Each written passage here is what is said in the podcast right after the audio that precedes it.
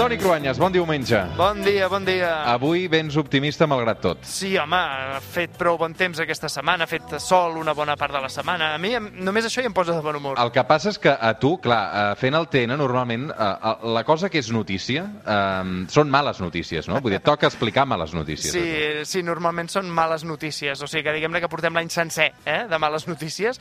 Però mira, aquesta setmana hi ha hagut el primer anunci d'una vacuna per la Covid i què vols que et digui? A mi em sembla que és una molt bona notícia. Pfizer, que costa de dir. Pfizer eh, diu que ha fet proves amb un 90% d'efectivitat, eh, una bona notícia, encara que ens ho hem d'agafar tot amb molta precaució. Sí, sembla que hi haurà també més vacunes enllestides eh, en els pròxims mesos, per tant, avui deixem això, que sigui optimista. I, de fet, la història que explicarem també és optimista, perquè el protagonista és un metge rural que lluita per fer un món millor i que ho aconsegueix. És una història que, d'alguna manera, ens reconcilia amb el gènere humà.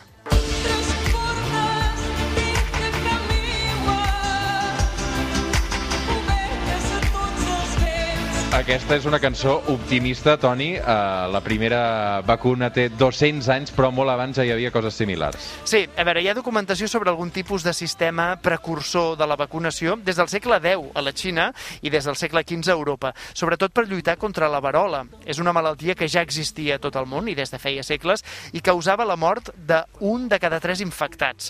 A la resta, més, quedaven marcats de per vida amb aquelles butllofes, amb aquelles marques per tot el cos, així que es volia evitar com es pogués aquesta malaltia. Com eren aquestes medicines, Toni? A veure, el que es feia és que s'agafaven crostes de la malaltia, com de pus assecat, es ratllava i s'esnifava pel nas. O sigui, la idea mm, s'assemblava a la de la vacuna, però l'efectivitat, i ja no dic la profilaxi, era molt fastigosa i era molt baixa. Tot plegat eh, en un moment àlgid en què hi havia la màxima extensió que hi ha hagut de la varola a Europa, al segle XVIII, això coincideix amb l'aparició d'aquest protagonista de la nostra història del que parlava, en un poblet de camp d'Anglaterra anomenat Berkeley. Charlie. Per tant, ens situem en música de Beethoven.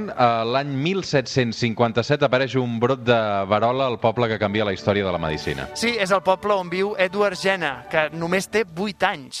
Per prevenir que pateixi varola, li van fer un tall en un braç i li van introduir pus d'un malalt de varola.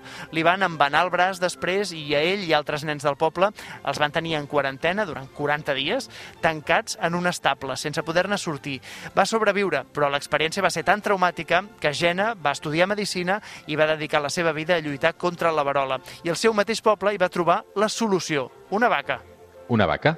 Doncs sí, Edward Jenner va observar que les noies que treballaven a les granges i que munyien les vaques no agafaven la varola.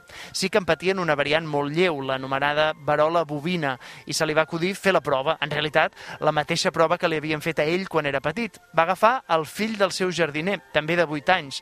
Es deia James Phipps, però en comptes d'inocular-li el virus de la varola humana, li va inocular la varola bovina, agafada d'una de les noies de la granja que la patia. I el nen va mostrar símptomes, efectivament, d'haver agafat la varola bovina. Un cop es va haver curat, li va inocular la varola humana, però aquesta vegada no va mostrar cap símptoma. O sigui que va funcionar, Toni. Sí, i com que la inoculació de la varola bovina era molt més fàcil que la varola humana, es va extendre la pràctica a tot Anglaterra. De fet, l'any 1840 ja va prohibir-se definitivament. Va ser tot un èxit. No tothom ho va veure clar en aquell moment. Eh, van aparèixer els primers crítics, no? Clar, hi havia oposició a aquesta, al concepte mateix de vacuna, especialment per part de l'Església. Es pensaven que la vacuna s'interposava davant la voluntat de Déu. Es va ridiculitzar Jena a la premsa. Hi ha acudits de l'època, hi ha tires còmiques dels diaris, es pot trobar per internet, és molt divertit. Es fa mofa de la vacuna, es veu com els pacients inoculats amb la varola bovina els surt una cua de vaca o unes mamelles de vaca, tot plegat, però ja queda com una caricatura, perquè l'evidència científica és tan clara que ràpidament aquest exemple pràctic de la victòria de la il·lustració per sobre de les supersticions i de la religió es va estendre arreu del món. De fet, als Estats Units el president Jefferson va vacunar tota la seva família, no? Sí, eh, i a França Napoleó va vacunar tot el seu exèrcit, li van donar una medalla a Jena com a benefactor de tota la humanitat.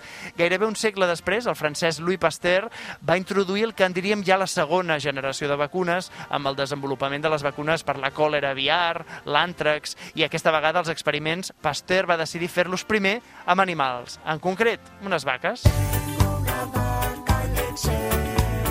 Realment, eh, la banda sonora d'aquesta secció, Cruanyes, eh, fes-t'ho mirar, eh? Perquè, o sigui, la vaca letxera no em pensava que sonés eh, a Catalunya Ràdio just abans d'arribar a les 9 del matí, eh? Escolta'm, si parlem de vaques ja em diràs tu com ho fem, això. Molt bé. A veure, la protagonista és la vaca. Uh, Louis Pasteur, quan va presentar els resultats del seu experiment, ja va introduir el terme vacuna i vacunació, que de fet té la paraula, eh, té l'origen en la paraula llatina vaca. Va ser un homenatge a Eduard Jenner perquè va ser el pioner en la inoculació del virus de la varola de la vaca. A veure, 200 anys després de la descoberta de Jenner, l'any 1980, l'Organització Mundial de la Salut va certificar oficialment que la varola s'havia erradicat completament del planeta. I després de la primera vacuna contra la varola van aparèixer la de la ràbia, la del tètanus, la diftèria i etc etc etc. no? Exacte, i amb una mica de sort aviat podrem parlar de la vacuna de la Covid-19. Stop being Mickey Avui arribarem a les 9 amb una proposta que ens fas. Què és això exactament, Toni? Una cançó que es diu The Vaccine, la vacuna, de Lev King D, és un raper que ha compost aquesta cançó aquest any, justament dedicat a això, a la recerca de la vacuna de coronavirus. Fantàstic, Toni, que tinguis molt bon diumenge. Que vagi bé. So what's your options? Mine's just ballin' with the feeling. And the tallest mitzvah still, we out this gully. El suplement, amb Roger Escapa.